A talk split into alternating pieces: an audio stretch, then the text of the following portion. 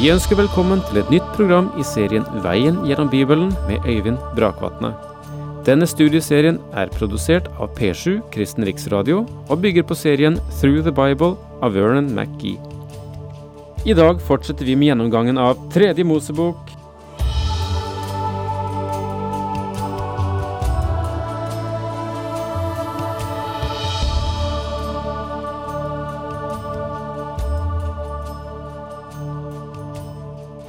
Ja, velkommen igjen til en ny time omkring eh, den boken som vi nå nettopp har begynt på, nemlig Tredje Mosebok. Den kan være vanskelig tilgjengelig for mange, og kanskje det er mange gjentagelser. Og eh, det er vanskelig å kunne orientere seg i alle ritualer og alle ofre. Men om vi får en tråd i den, mine venner, så er det en meget interessant bok.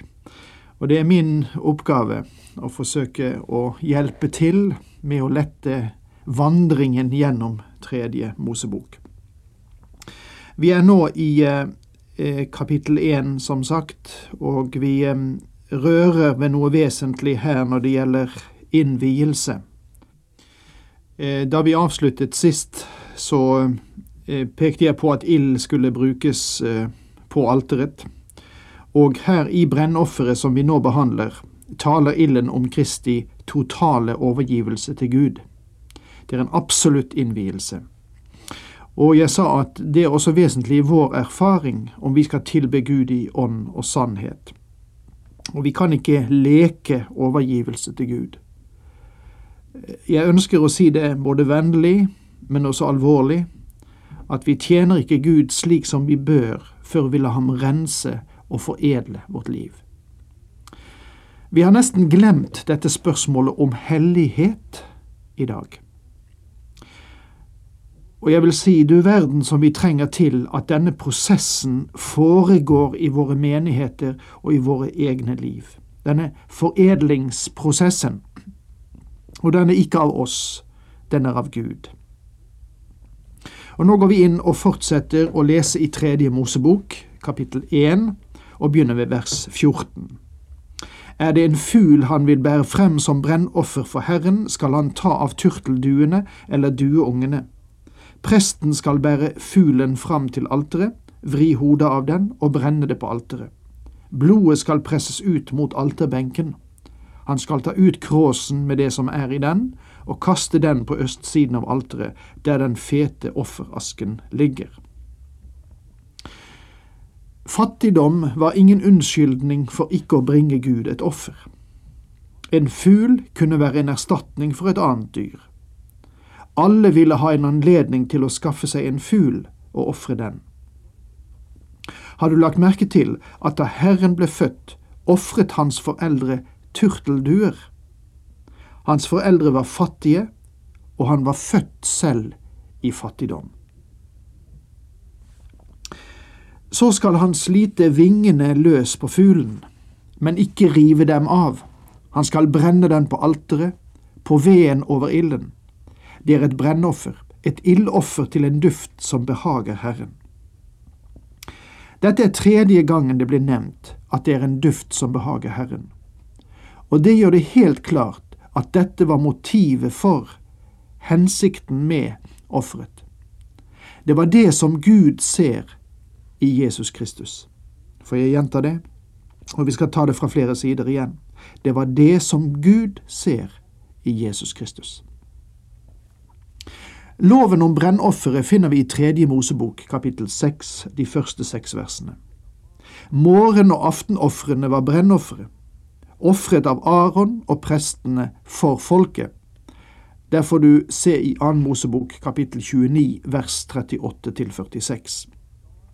Det ble kalt det bestandige brennofferet, det stadige brennofferet.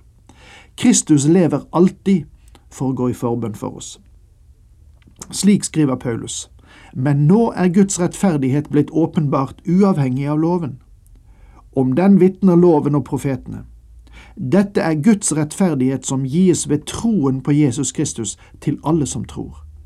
Her er det ingen forskjell, for alle har syndet, og de har ingen del i Guds herlighet. Men ufortjent og av Hans nåde blir vi erklært rettferdige på grunn av forløsningen i Kristus Jesus. Slik står det å lese i Romerbrevets tredje kapittel, versene 21 til 24. Min venn, har du Kristi offer mellom deg og dine synder? Har Hans blod blitt gitt så du skal få leve? Har du tillit til ham i dag? Gud ser Kristus som den ene som kan tilfredsstille ham for våre synder. Har du sett ham slik? Prøver du fremdeles å bringe ditt lille ynkelige selv og din lille godhet som offer for Gud? Gud tar ikke imot det. Han aksepterer bare hva Kristus har gjort for deg, og han regner Kristi rettferdighet som din rettferdighet. Du må stole på ham i dag og leve. Der tror jeg at vi må avslutte gjennomgåelsen av det første kapitlet i Tredje Mosebok, og nå vende oss til kapittel to. Og temaet for kapittel to er grødeofferet. Den gamle oversettelsen var matofferet. Ofrene taler om Kristi person og Kristi gjerning. Skal vi ha det som en fellesnevner? Ofrene taler om Kristi person og Kristi gjerning. Brennofferet var et bilde på Kristus, tatt i dybdesnitt som et uttrykk for hans død. Grødeofferet, eller matofferet, gir et bilde av Kristi menneskelighet i all sin fullkommenhet og kjærlighet. Når du leser dette, så vil du se at det er som en oppskrift på brød, og det er nettopp det det er. Det er virkelig matoffer. Her er ingen utgytelse av blod, så dette offeret var forskjellig fra det andre. Men det ble vanligvis båret frem sammen med andre ofre der blod var med. Dette offeret kunne bæres frem enten som ferdig bakverk eller som råstoff. Aron og hans sønner fikk en del av dette offeret som føde for seg selv. Det ble spist av alle menn i Arons familie. Grødeofferet fremstiller Jesu menneskelighet i all dens fullkommenhet. Hans guddommelighet står ikke sentralt her. Han var fullkomment menneskelig, og han var det fullkomne mennesket. Guds mål for mennesket er fullbyrdet i Jesus. Han er den siste Adam. Det vil ikke være flere av det slaget, men det vil komme flere mennesker som er skapt lik ham. Han er den siste Adam, hodet for et nytt folk.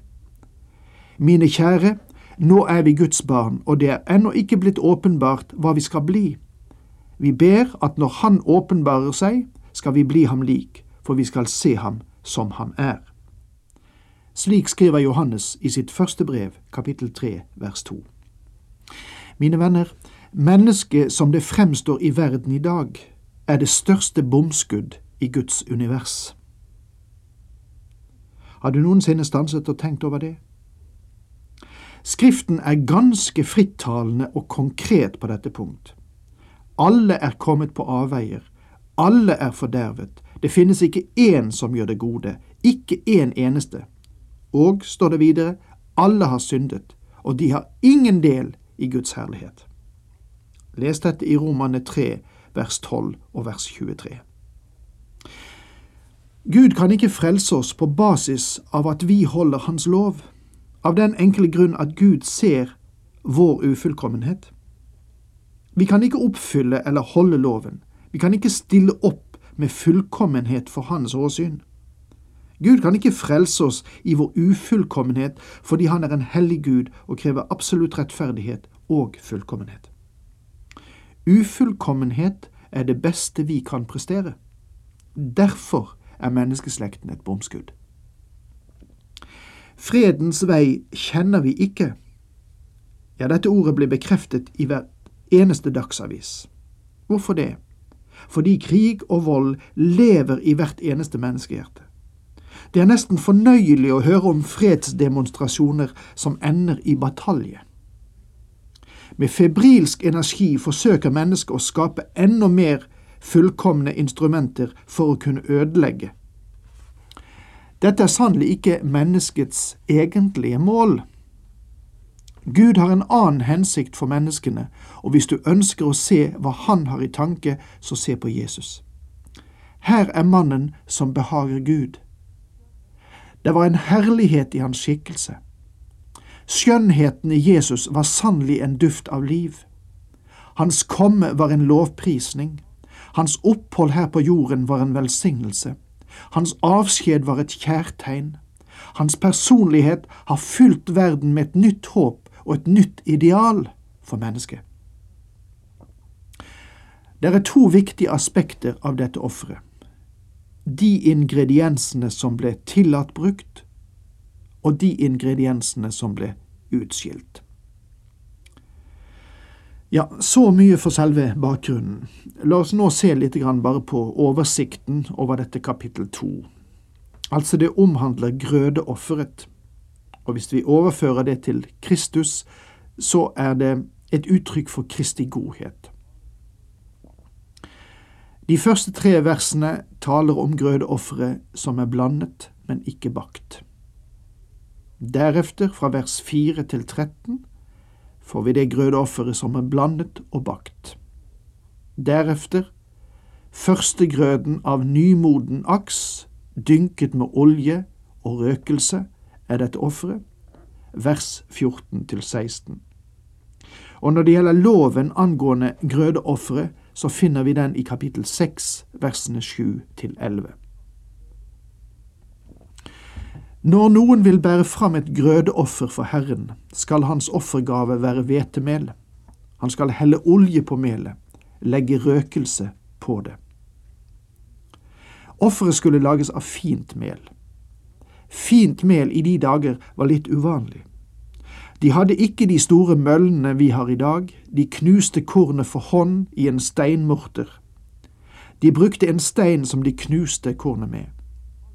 Det var ofte meget grovt og litt ujevnt malt, alt etter hvem som malte og hvor hurtig melet trengtes. Hvis melet skulle være meget fint, så betydde det at de måtte bruke en hel del tid for å få det til. Dette offeret skulle lages av meget fint mel, som betydde at de var behandlet lenge og vel. Dette stiller Jesu Kristi personlighet foran oss. I dag er jeg sikker på at vi ville bruke uttrykket at han hadde en velintegrert personlighet. Han var et normalt menneske. I spesiell mening så tror jeg at han var det eneste normale mennesket som noensinne har vandret på denne klode etter syndefallet, i alle fall. Synden har ført til skavanker ved menneskeslekten og har gitt den abnorme trekk. En del av vår personlighet er blitt overutviklet på bekostning av andre deler av vår personlighet. Legg merke til hvor sammensatt Bibelens menn var når det gjelder deres karakter. Samson var i stand til å gjøre store fysiske kraftanstrengelser, men både tanken og viljen syntes å ha vært svært svak. Paulus var en mental gigant, men han hadde et svakt legeme. Simon Peter ble beveget av sine følelser som løp av med han da han overmodig sa at han ville dø for Jesus. Likevel fornektet han ham, noe som åpenbarer en avgjort svakhet i viljelivet hans. Kong Saul var egenrådig og sta, ute av stand til å bøye kne i lydighet mot Gud. Det førte til at han ble avsatt, og senere til hans død. Alle disse menn var halte hva angikk deres personlighet. Noen sider var meget sterke, andre viste sterke svakhetstrekk. Slik var det ikke med Jesus. Nå er tiden ute. Takk for i dag. Herren med deg.